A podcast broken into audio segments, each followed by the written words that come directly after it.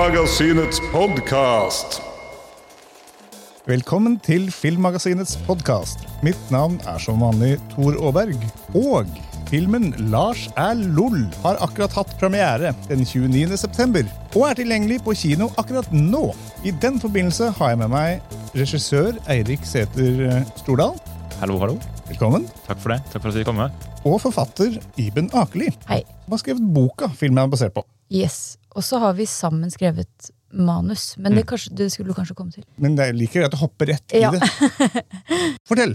Ja, Det er ikke noe mer å fortelle. Det er egentlig masse å fortelle, fordi det tok oss syv-seks år å skrive det manuset. Ja. Det høres også feil ut. Det tok oss ikke seks år å skrive det manuset, men prosessen med manuset tok seks år. Mm. Vi startet Så. for syv år siden, plutselig. Mm. Og boka kom ut i 2016. om Ja. ikke feil. Boka kom ut i 2016, så det var egentlig samme høst at vi gikk i gang Mm. Med vårt arbeid. Kjente dere hverandre fra før? På en måte Eh, ja, vi gjorde det. Eh, men ikke like godt som vi gjør nå. vi gikk på videregående sammen, faktisk. ah, Eh, hvor vi var vanlige videregående bekjente venner, eller hva man skal kalle det. Og en fun fact er jo at jeg takket nei til å spille i Eirik sin film på det tidspunktet. Ja, det er sant. Jeg hadde laget en kortfilm som jeg hadde skrevet en rolle spesielt til Iben. Og så sa hun bare nei. Og så, eh, hvor mange år etter, syv år etter eller noe, da, åtte år etterpå, så var vi begge i København og begynte å henge sammen igjen.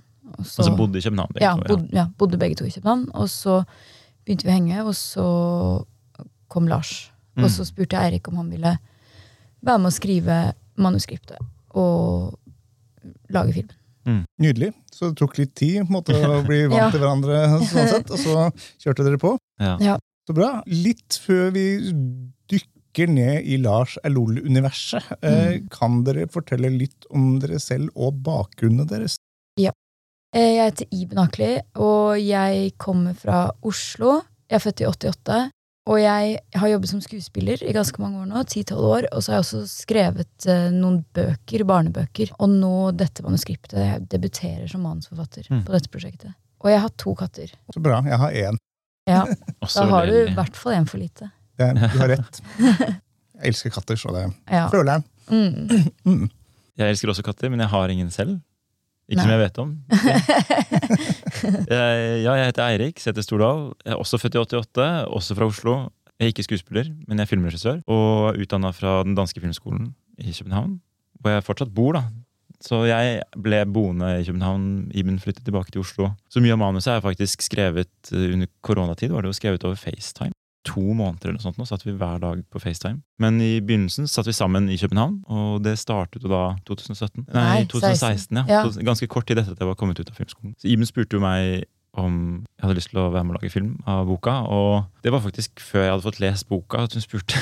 Så jeg måtte jo lese boka for å finne ut av om det var noe jeg kunne se meg selv i som filmregissør. Da. For det, det krever jo at man, at man kan kjenne seg igjen i, i filmen, eller i historien og tematikken og alt det der. Så fikk jeg lese boka like før den kom ut, og ble helt blåst av gårde, rett og slett. Mm. Altså, jeg satt og lo og gråt og storkoste meg, og var så rørt av karakterene og historien og tematikken at uh, så snart jeg hadde lest siste side, så ringte jeg til Iben og sa ja, dette har jeg kjempelyst til å være med på. Mm.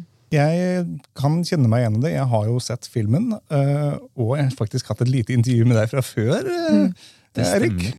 Eh, Og jeg sa vel til deg da, som jeg kommer til å si mer om nå, at jeg hadde på en måte dessverre ikke noe forhold til boka fra før. Jeg, hadde ikke, jeg visste ikke hva jeg gikk til. Jeg hørte hm, Lars Elol. Dette blir interessant. Mm. Men jeg hadde aldri trodd jeg skulle grine så mye som jeg gjorde av å se den filmen. Altså. Wow. Wow. Shit. Ja. kan komme tilbake til det, men den slår hardt eh, i, i, på, en måte, på en veldig fin måte. ja. Det er så hyggelig å høre. Sterk emosjonell reaksjon. ja, Ja, det ja, er mange som har det. Ja. Mm. Vi, hadde jo, vi hadde jo festpremiere forleden, og, og det var ganske overveldende å oppleve alle de reaksjonene. altså. Mm. Det var jo mye venner og familie, og sånt også, men det var jo også mange som var venner og familie av eh, cast og crew som man ikke kjente. Og det var ganske voldsomt å, å få oppleve hvor truffet mange ble av filmen. Ja. Det, det er sterkt, fordi de har jo jobbet på det veldig lenge. Ja. Og, og jeg har sett filmen mange ganger, både i løpet av prosessen, men også etter at vi ble ferdig med filmen for ja, litt under en måned siden. Men det er jo første gang vi, vi har vist den til så mange, og Mm. å få de reaksjonene, det, Det gjør inntrykk, altså. Ja, dere har fått til å gjøre inntrykk på folk, eh, meg selv inkludert. Ja. Og for de som da ikke kjenner til både boka og filmen, kan ikke dere si litt om hva eh, plottet er, eller hva Ja. handler det om? Fordi det kan være litt lurt for å på en måte, sette Absolutt, oss inn i på måte, det, det emosjonelle. Ja, det er klart. Etter syv år klarer jeg fortsatt ikke å fortelle kort om den. Kan ikke du gjøre det? Du er mye bedre. Amanda er, går på barneskolen, og det er hun som er hovedkarakteren. Og hun gleder seg veldig til å komme tilbake til skolen fordi hun skal bli fadder for førsteklassingene. Eh, og så er hun veldig forelska i klassekameraten sin Adam, men tør liksom ikke helt å gjøre noe med det. Hun tør nesten ikke engang å si hei til han. Mm. Så på første skoledag så snus alt litt opp ned på hodet for Amanda, fordi lærerne spør om Amanda kunne tenke seg istedenfor å være fadder til førsteklassing, å være fadder til den nye gutten i klassen, som heter Lars og har Downs syndrom. Og det har Amanda egentlig ikke lyst til i det hele tatt. Men hun klarer ikke helt å si nei, så hun ender opp med å si ja likevel. Og er veldig veldig redd for at Lars skal drite henne ut da, og liksom få henne til å skille seg ut foran i andre, spesielt foran Adam. Mm. Men etter hvert som hun lærer Lars å kjenne, så blir de veldig gode venner. Og hjemme hos Lars så kan hun leke og tulle og fjase og fjolle og leke Harry Potter og kle seg ut og leve ut en sånn side av seg selv som hun ikke tør å leve ut andre steder. da. Så finner rett og slett et frirom fra den sånn sosiale angsten hun kjenner på på skolen. Men det er veldig viktig for Amanda å holde det vennskapet hemmelig. Og det klarer hun ganske lenge. Men så kolliderer de to verdenene når hun oppdager at eh, jentene i klassen har startet en blogg, en mobbeblogg, hvor de henger ut Lars. da. Bilder og videoer av eh, Lars hvor han ser dum ut. Og når hun prøver å stoppe den bloggen, så treffer hun noen gale valg. Jeg vet ikke hvor mye jeg skal avsløre. Nei, det er det. Hvor Får ikke spoile for Nei, mye, det det. men liksom, eh, gi en på en måte innpakning. Ja, Ja, ja. Vi sier ikke mer. nei, Nei, enig i at det, det er egentlig et fint eh, stoppested. Ja. Ja, for da har man på en måte mm, Dette er interessant, Ja, ja, det vil jeg vite mer om. Mm. Det er jo en, det er en historie som handler mye om, om vennskap og om identitet, men også forelskelse, og, og ikke minst så handler det om altså, hvor viktig det er å finne motet til å være seg selv. Mm. Og, og tørre å framstå som autentisk. Da. Altså tørre å treffe valg ut ifra det man faktisk tror, og tørre å vise verden den man faktisk er. Og um, på den måten så er det jo også en historie om annerledeshet. Og det, det å liksom prøve å passe inn versus skille seg ut. Og det er jo en veldig relaterbar setting i den grad altså Alle har jo gått på skolen. Mm. Og særlig overgangen fra barneskole til type altså Hun er jo såpass gammel at hun snart skal da over på ungdomsskolen. Og da er man mer over i tenårene, hvor identitet, hvordan man oppfattes av andre, blir enda viktigere. Mm. Så det er på en måte viktig som punkt. Jeg har selv jobba med barn og ungdom i mange år før. så jeg, Det er derfor også den treffer meg så hardt. For jeg har Ja. sett mange av disse tingene. Jeg har sett hvor snille og fine de kan, barn kan være mot hverandre, men jeg har også sett hvor altså, råskapen som finnes i barn. Mm. Jeg finner det ekstremt relaterbart. da. Ja. Det er jo, har jo alltid vært viktig å ta barn på alvor med dette prosjektet, både boken og filmen. Ja. Og nettopp det å ikke Eller altså tørre å gjøre det såpass vondt, da. Mm. Eh, og jeg, som rett og slett bare er reelt. Ja. Så det er jo det er jo en historie som, og det, som, som har mye lekenhet og Mm. humor i seg, men som også har en altså Som kommer fra boka til Iben, da, altså som har en inderlighet og, en, og, et, et hjerte da, som Ja, som jeg, altså det, Som du sa, Iben, altså tar barn på alvor, da, eller i virkeligheten kan man godt si liksom ta mennesker Ja. på alvor, fordi Mm. um, Fordi mennesker er barn. ja, men altså, Barn er virkelig, mennesker. altså sånn Inni oss alle sammen så bor det et lite barn. Mm. Jeg husker veldig godt, tror jeg i hvert fall, hvordan det var å være 11-12 år gammel. Mm. Og inni meg så er jo alt det samme. Jeg kjenner jo ikke noe annerledes nå enn jeg gjorde da. Jeg, tror, jeg får inntrykk noen ganger at mange voksne glemmer hvordan det var å være barn. Altså, og hvor Ja, Mm. Hvor tett på egentlig altså Noen ganger så kan man nesten få inntrykk altså Mobbing på barneskolen er et samfunnsproblem. Ja. Altså Nå er det én av ti barn som opplever å bli mobbet på skolen. Og det å at 10 av barn har en hverdag hvor de går på skolen og blir mobbet Altså Det setter jo dype spor i ikke bare dem, men altså så mange av de menneskene som de har rundt seg, og har rundt seg resten av livet. For altså, den mobbingen forsvinner jo ikke selv når den har stoppet. Den tar man jo med seg. Så det var jo mye av de emnene også som grep meg med boka Tiben, da, og som gjorde at, at jeg valgte å bruke syv år av livet mitt på å jobbe med filmen. Altså, Ja. det, det, det, er, det er viktige emner, men, men først og fremst er det emner som rører, da. Som beveger. I hvert fall gjorde det Mm. meg da jeg leste boka. Absolutt, Mm. og det vil jeg si gjenspeiles i filmen. Det syns jeg dere har fått til. Og i filmen så er det jo, som du nevnte i stad, en balanse mellom Det er mye humor, Mm. og det er også mye seriøst og sterke følelser. Er det like mye av det i boka, Iben? Eh, ja, det vil jeg si. Mm.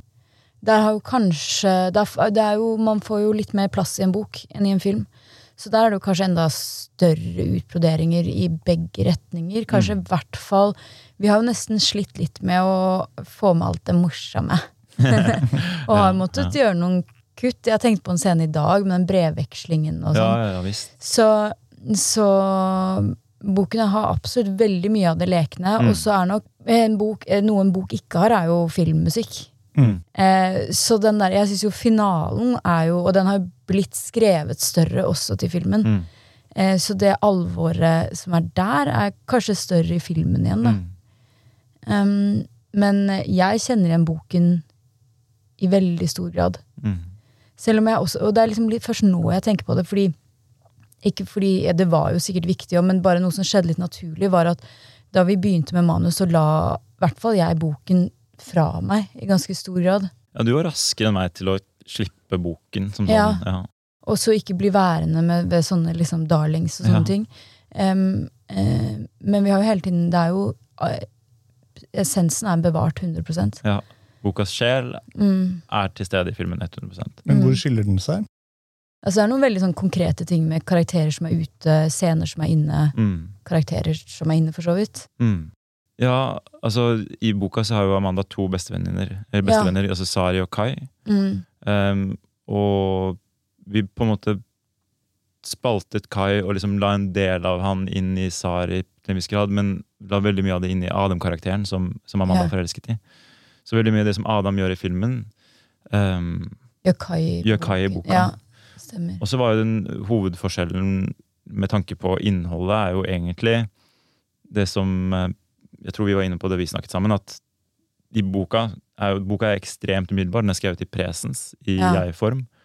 Og man har så veldig veldig umiddelbar adgang til Amanda sine tanker og følelser. Mm. Og den subjektiviteten var veldig mye av det som også tiltrakk meg med boka. Um, og så ble jo, fordi jeg syntes det, det var en spennende oppgave å tenke ok, men hvordan, hvordan gjør man den subjektiviteten på film?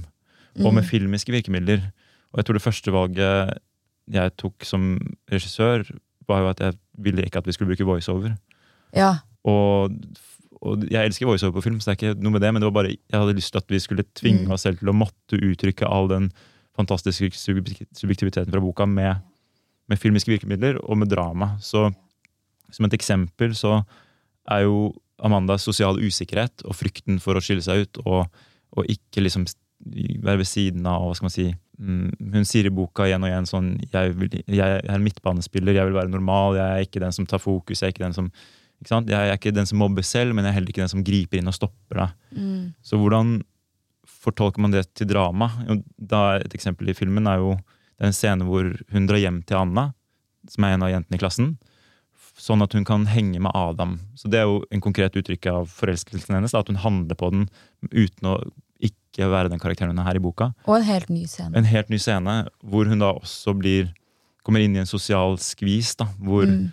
hun igjen blir presset til å skulle treffe noen valg som, eller gjøre noen ting som hun egentlig ikke har lyst til å gjøre, men som dette er forholdsvis tidlig i filmen, så jeg kan si spoiler, som hun ender med å gjøre allikevel. da. Ja. Og, og det er ting som, det er en scene som er en liten sekvens som ikke er i boka i bokstavelig forstand, men som er i boka i metaforisk forstand. Altså Ja. hennes indre liv har vi prøvd å dramatisere til handling, da. Og det er jo på en måte oppgaven når man adapterer en eh, ja. bok om til film. Og også tidlig valg som falt supernaturlig, var jo det Altså, vi følger bare Amanda. Mm. Det er ikke en scene uten Nei. Amanda. Alt er Amanda, og det Det er veldig tett på henne. Ja. Ja, ja. Også fysisk tett på. Nå ja. har vi valgte fotografen og jeg å bruke en optikk som gjorde at vi kunne og skulle og måtte være fysisk tett på henne som karakter. Og så er liksom hele filmfortellingen er bygget ut fra det, da, at vi er hos henne. Og så betrakter vi og opplever verden ut Mm. hennes ståsted. Da, både visuelt, men også med lyddesign. Mm. Eh, Så, så den subjektiviteten Og det, alle de valgene starter naturligvis med manus, og, og som Iben også påpeker det med at um, vi ser aldri noen scener uten Amanda. det eneste, som, det eneste bruddet med det grepet er jo faktisk Det kom ganske sent i manusprosessen, hvor vi enkelte steder i starten for eksempel velger å vise at Adam har noen blikk på Amanda som Mm. hun ikke oppdager. Mm. Og, og, det var, og det var ganske interessant å oppdage og oppleve hvordan da vi introduserte det grepet, selv om det var et brudd med konseptet vårt, så gjorde det at man plutselig trodde på den forelskelseshistorien. Ja. Og inspirasjonen kom fra Dr. Chivago, hvor det er sånn en scene i starten hvor de er på samme trikk, men uten å vite om det. Fordi da forteller filmen oss at de skal få hverandre. Mm. Ikke på et bokstavelig plan, men liksom på et metaforisk plan. Og, og det var liksom det, det samme at vi må få lov til å se at Adam også Mm. har noe med Amanda. Hvis ikke, så bryr man seg rett og slett ikke. Mm. Og det var ganske interessant å se hvordan én setning i manus endret hele den historielinja. da. Og så er det også noen lignende grep med, med Anna-karakteren, som er liksom antagonisten. da. Mm. Hvor tilskueren får lov til å se noen ting som Amanda ikke får se. Eh, Men det er egentlig, bortsett fra det, så er Ja. alt opplevd direkte gjennom Amandas erfaring. da. Ja. Opplevelsesperspektiv. Dere har også funnet noen veldig dyktige unge skuespillere til denne filmen. her. Ja, takk. Hvem er de, og hvordan eh, har dere jobba med dem? Vi fant de gjennom en ganske ordinær castingprosess. Stella Casting og Celine har hjulpet oss sterkt der. Så det var jo det var en ganske vid, åpen casting til å begynne med. Mm. Og så ganske raskt så Hva heter det? Ble det kokte det ned? Ja, altså Celine Engebrigtsen som, Engebrigtsen, som er caster på filmen, hun Hun er jo utrolig god på det hun gjør, og veldig god på barnekast. Hun har, hun har et helt spesielt blikk for mennesker, og liksom se ofte bak den første fasaden hvem de kan vise seg å være. da. Um, så hun var ganske veldig tidlig inne i prosjektet. Kom på allerede i 2019. Hvor vi gjorde en sånn slags prøvecasting, bare for å liksom finne inn Mm. til karakterene. Og først og fremst lett etter Amanda, etter, Amanda den gangen. da. Og Lilly, som uh, Lilly Winger Smith, som spiller hovedrollen, Amanda um, Det første båndet jeg så, var høsten 2021. Og på et tidspunkt så gikk jeg tilbake og så på notatene mine fra det, så det opptaket. da. Og det var liksom bare pluss, pluss, pluss og superlativer og følelser med Amanda. og Hun gjorde jo en improvisasjon av den scenen hvor Janne spør Amanda om hun vil være fadder til Lars. Og den improvisasjonen hun gjorde, var så fantastisk at jeg tok og liksom viste den til Iben, og så skrev vi ordrett inn i manus det som hun hadde sagt i den improvisasjonen. Oi! Og det var lenge før hun hadde fått rollen, men det sier jo litt om hvor eh, Ja. markant hun traff Amanda. da, Eh, Eller kanskje omvendt, om Amanda traff henne. Så i løpet av høsten 2021 så sporet det seg liksom inn mot Lilly. da, Og Adrian, som spiller Lars, møtte jeg første gang august 2021. Og det var, vi hadde jo langt færre gutter inne til Lars, ganske enkelt fordi at det finnes ikke så mange barn med Downs syndrom per årskull. Um, men der var bare Adrian et funn, altså. Mm.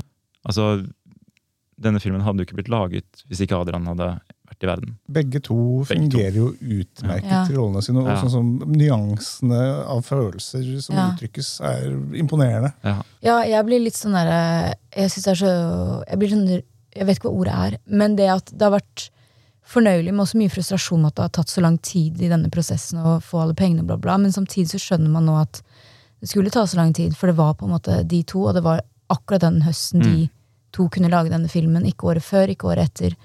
Mm. Nå er det jo noen helt andre mennesker på det Ja, ja. året som har gått. Nå er det jo tenåringer og stemmeskift Ja. og altså Så det er noe veldig veldig magisk rundt akkurat den Ja. prosessen med å kaste de barna. Spesielt da ja, lille Adrian. Ja, og altså, jeg, Det er viktig å skynde seg å si at jeg, alle de andre barna er jo også helt Ja, fantastiske. gud, ja. Absolutt. absolutt. Adam òg var jo også ja. bare sånn Han kommer jo fra sidene fra boken. Altså, han er helt Ja, det sånn er helt vilt, altså. Det er helt Og det, fant, det var liksom som det fantes bare én av hver. Det var ikke sånn at vi Mm. hadde drøssevis av Nei. potensielle Annaer, eller Og Anna er jo kanskje sånn var jo kanskje den rollen jeg var mest nervøs for om vi kom til å finne. mm, Fordi hun skulle ha så mye styrke og så mye sårbarhet. mm, Være liksom både brutal, men også med en tydelig dobbelthet. Da. Og, og Agnes eh, Grønberg Hagen, som spiller eh, Anna kunne ikke vært lenger vekk fra Anna i virkeligheten. Mm. Hun er en utrolig snill og god og samvittighetsfull Ja. jente som jeg må, nesten måtte tvinge til å gjøre de tingene som hun skal gjøre i filmen. for å, eh, Og hun ville, Ja. hadde så lyst til at vi skulle lage en scene hvor Anna blir venn med Lars. altså hun, For hun gjør jo noen ting i filmen som, er, som framstår som veldig brutale. da. Eh, ja. Og, eh, og, og, og så opp, håper jeg også at tilskueren får lov til å oppleve hm, hvor det kommer fra. på en måte. Altså, Ja. altså, at det kommer fra en eller annen form for sårbarhet som hun egentlig deler med, med Amanda også. Mm. Så, um, og, men um, altså Adrian ble jo, altså, ble jo rett og slett bare skuespiller. Altså sånn Ja. som eh, Noen av de mest intense scenene på slutten. Da var han liksom Adrian, som er liksom en utrolig fin og koselig og herlig fyr, og liksom sto og tulla med Øystein, som spiller, Øystein Røger som spiller faren hans, og statistene rundt og sånt nå. Og så gikk vi på, og jeg sier vær så god, og bare klikker rett inn i det moduset. Hvor det er en veldig intens scene. Han blir helt sånn sort i blikket, og, Ja. og så er det takk. Og da bare sprudler han og er Adrian og tuller med statistene rundt. Og, altså, Ja. og, um, og så han, han, er rett og slett, slett bare en vaskeekte skuespiller. Eh, og, og det er jo sjelden for alle barn. ja.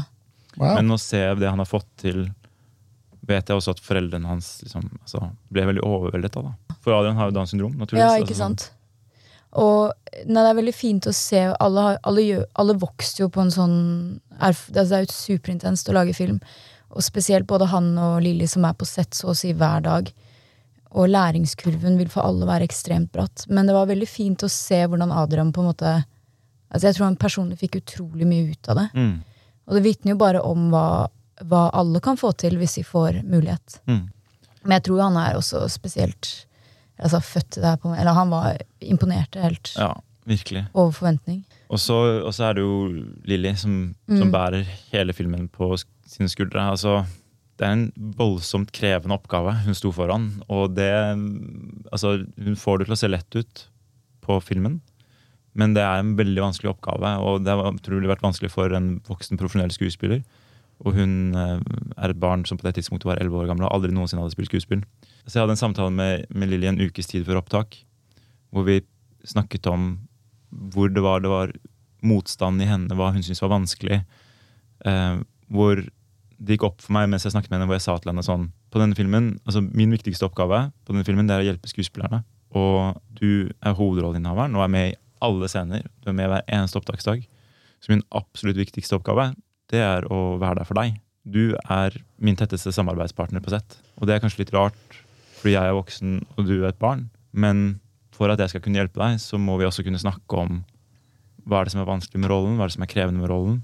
Og det gjorde vi både på en daglig basis, men også hadde, da begynte vi å ha disse sånn ukesmøtene. da. Og jeg har liksom ikke ord for hvor imponert jeg er over Lilly. Altså sånn, og hvor stolt jeg er av henne. Og jeg, hun, hun er det modigste mennesket jeg vet om, fordi hun har stått i det som har vært vanskelig, og så gjort det allikevel. Og det hun har fått til, syns jeg er helt makeløst. Mm. Hvis jeg kan få lov til å liksom være, skryte så uhemmet av henne. da, fordi Skryt til deg. Ja. Jeg syns hun fortjener det. Jeg Ja. Synes det samme når jeg så filmen, så absolutt. ja, Det håper Men, jeg også at folk opplever når ehm, de ser det. Det er litt gøy å snakke om egentlig også hvordan du jobbet rent konkret med de barna i forhold til manus og sånn. For det var også veldig mye bevisste tanker rundt. Jeg har jobbet ganske mye med barn opp igjennom på film. Mm. Um, og da jeg var 19 år gammel, så laget jeg en kortfilm med, også med tolvåringer i hovedrollen. Og da oppdaget jeg, eller opplevde jeg at de, de er best når de egentlig ikke lærer tekst på forhånd. Og barn lærer tekst ganske fort. altså sånn, De, hus, altså, de, går fort inn, da. Så ja, De fikk jo lese manus, alle skuespillerne, naturligvis, sånn at de visste hva de skulle gjøre. og hva de skulle gå inn i, hva handlingen var og så videre. Noen av dem hadde også lest boka. Men jeg basically forbød dem å lære replikker på forhånd. Altså De fikk ikke lov til å øve på scenene hjemme. Og ga streng beskjed til foreldrene at dere skal ikke øve hjemme. Jeg vil at de skal komme. Og så tar vi den scenen vi skal filme, tar vi på dagen. Liksom, tar vi på stedet. Det var noen ganger hvis det var veldig vanskelige scener for Lilly, med mye bakhistorie, for vi filmet jo ikke kronologisk, dessverre, um, så ba jeg um, Ida, moren, og, om å gå gjennom scenene sammen med Lilly. Altså scenene som var før, Mm. altså opp til det vi skulle filme dagen etter. Sånn at hun hadde liksom den, umiddelbare forhistorien i filmen liksom frist i minnet. Men da var det egentlig å bare gå i gang med scenen, snakke om situasjonen, og så sette i gang. Og så sa jeg Altså, vi har sånne 15 minutter lange tagninger hvor jeg snakker mer enn den. altså sånn, så det er egentlig kontinuerlig regi underveis. da. Og så, si, si, sier jeg hva de skal si, og så gjentar de det. Og så etter to tagninger sånn, så kan de scenen. Og da er det mer sånn Gå tilbake til det stedet. Liksom, si det igjen. Hopp tilbake til begynnelsen. Hvor du, altså, men når du jobber med barn spesielt, da, så må man handle egentlig utelukkende på magefølelse og intuisjon. Man må liksom bare gå rett inn i øyeblikket, og så, og så være helt til stede og lytte. Og så handle på impuls, for det er, det er liksom, de kommer med så mye. da. Og Hvis man er klar og sitter og tar imot og speiler det tilbake og ser nå har de et momentum, gå tilbake til denne replikken, si den igjen. altså Det er da du får de øyeblikkene som har den intensiteten. da. Det gjør jo at vi har jo, ikke, vi har jo ingen tagninger som er liksom hele tagninger som fungerer fra start til slutt. Eller veldig få, da. I toskuddene som er liksom holdt til en hel scene, så har vi jo det, da. Men da måtte jeg jobbe på en litt annen måte. I akkurat de scenene. Eh, men i alle dialogscenene hvor, som er litt mer sånn nærbildebasert, da, så er det liksom det glimtet, det glimtet, det glimtet. Det er veldig konstruert. da. Men har du da Iben, vært til stede under all innspilling? Eller er det sånn Nei, ikke under all innspilling. Eh, ja, jeg kom bare innom sett eh, noen ganger. Det er jo veldig rart. Eller altså sånn Det er jo generelt er det er jo litt kjedelig å være på sett, i hvert fall hvis det ikke er ditt eget. Ja, ja. Og så er jo dette mitt eget, men man kommer jo inn i en verden som er utrolig liksom, sammensatt. Og så hadde jeg et annet prosjekt ganske langt inn i innspillingen på Lars, så jeg kom liksom sånn midt i. Og det var veldig sånn eh, Ble veldig godt tatt imot. Men det er rart å være manusforfatter, for man har et så utrolig stort eierskap. Og samtidig så er man bare ikke med på den derre sjargongen som ofte oppstår veldig fort på et sett. Altså, du har jo um, veldig bokstavelig talt dobbelt eierskap i forstand at du både har skrevet manus eh, og, og boka. Mm. så det er liksom nok ekstra spesielt for deg. Ja. Ja. Men eh, em, ja, når jeg var innom sett sånn et par ganger. Jeg føler jo at det, Fordi vi hadde jobbet så utrolig tett på den manuset, og Mm. bokstavelig talt liksom nærmest skrevet uh, annenhver annenhver bokstav altså sånn, Ja. Virkelig sånn Jeg tror ikke det er et komma som ikke begge to på en måte, altså det, Vi har vært, jobbet så tett, da. Så selv om du ikke var på, til stede eh, fysisk eh, så mye, så var altså, jeg følte meg veldig sånn i synk med det som jeg trodde at du ville også. Ja. Altså sånn, Jeg håper jo at du opplever at dere Ja, har ja. fått vare Jeg var jo aldri bekymret for at det ikke ble ivaretatt. mm, Der er vi Der er vi jo samme ja. organisme. Men, eh, men også Det er jo en film som i stor grad følger manus. Mm. Men jeg mener, jeg, altså, den er jo veldig tro mot manus. Absolutt. Du har ikke gjort noen sånn kjempestore krumspring med struktur. Men hvordan kom du opp med denne historien, og hvor mye har du putta av deg selv i, og dine erfaringer Iben, i, i, i den boka? Det, vi snakket jo faktisk om det på lunsj her. Mm. Eh, og jeg er jo spesialpedagog. Og så har jeg, så jeg har jobbet og kjent mennesker med Downs syndrom. Og så hadde jeg selv et fadderbarn som hadde Downs syndrom. Eh, men eh, utover det så er det, ikke noe likhet til Amandas reise i forhold til mobbing, og heller ikke i forhold til den karakteren hun er, med tanke på hvor um, opptatt hun er av å ikke bli sett da, eller ikke få oppmerksomhet. Der er jo jeg motsatt.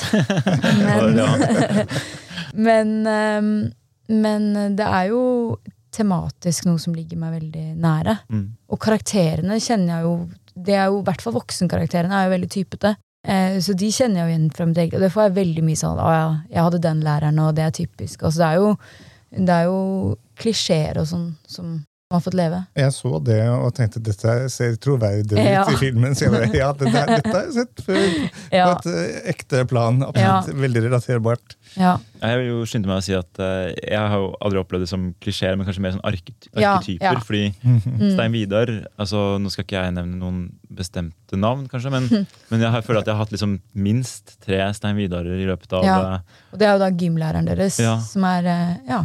Jeg tror dere som ser filmen, kommer til å vite akkurat hvem som Stein Vidar er. eksentriker, Ja. en livsnyter, Mm. en, uh, En bablemaker. en bablemaker. Det er jo det er noen replikker som han har i filmen som, som er sakset ut av ting som en, noen av mine lærere sa på barneskolen. Og på festpremieren så var jo en av de som også hadde hatt han til stede. Og, kom, og var helt sånn her Herregud, du har jo tatt eh, liksom, alt det som, også, det som den læreren sa. Da. Mhm. Så det er jo sånn Jeg, jeg vet ikke, det, jeg, jeg tror kanskje at det, altså det er liksom det med Mm. Da jeg leste boka Tiben, så, så føltes det som om det var, du Ja. fant en sånn universalitet som gjorde at jeg tror jeg, som så mange andre lesere, følte meg veldig veldig, veldig hjemme i det universet. da. Ja. Og, og, og det er jo virkelig noe som vi har prøvd også å ta med videre på filmen. Da, den der følelsen av at, det, at man prøver å treffe noe som, som folk kan kjenne seg igjen i. da. Og det tror jeg absolutt Eller jeg vet eh, Ja. av personlig erfaring at det syns jeg dere har fått til. Det, er, det føles veldig igjen, veldig relaterbart, veldig ekte. Jeg tenker at det her kunne skjedd. eh, og jeg håper ikke det skjer så mye rundt omkring, men, men sannsynligheten er at det, det forekommer jo. Mm, absolutt. Og så håper man jo selvfølgelig at ved å lage filmen, ved å åpne opp for samtalene rundt filmen, at det kan være en smule preventivt, da, i hvert fall. Jeg håper det. Mm. Det er, det er jo, vi snakket om dette med at én av ti barn opplever mobbing på barneskolen. Og altså, da jeg gikk på barneskolen og hadde et eh, sosialt vanskelig år, for å si det sånn, da, Mm. så var jo det veldig tungt i seg selv. Men det ble jo på en måte Det ble jo liggende der hvor altså, Noe av det tar man dessverre med seg, da. Men, men i dag så er det så mange ting som, av den mobbingen og, som foregår på skolene, som nettopp da, sånn som i filmen, kan bli filmet, eller tatt bilde av, eller bli lagt ut på nettet. Og på et tidspunkt så i filmen så på bloggen um, hvor de henger ut Lars, så er det et bilde hvor, um, hvor, det, hvor, hvor liksom overskriften er 'Merket for livet'. Jeg tror det var uh, sjefsrekvisitøren eller produksjonsdesigneren som skrev det i, i den bloggen. da. Mm. Og det syns jeg var så sterkt, fordi liksom det, det er helt reelt da, at hvis du er uheldig i dag som barn og blir mobbet, og noe blir filmet eller lagt ut, så kan du risikere nettopp å være merket for livet. Så jeg vet ikke om ting var så veldig mye bedre før, men eh, det at det i dag foregår på nettet, og at det kan liksom nå ut til så mange,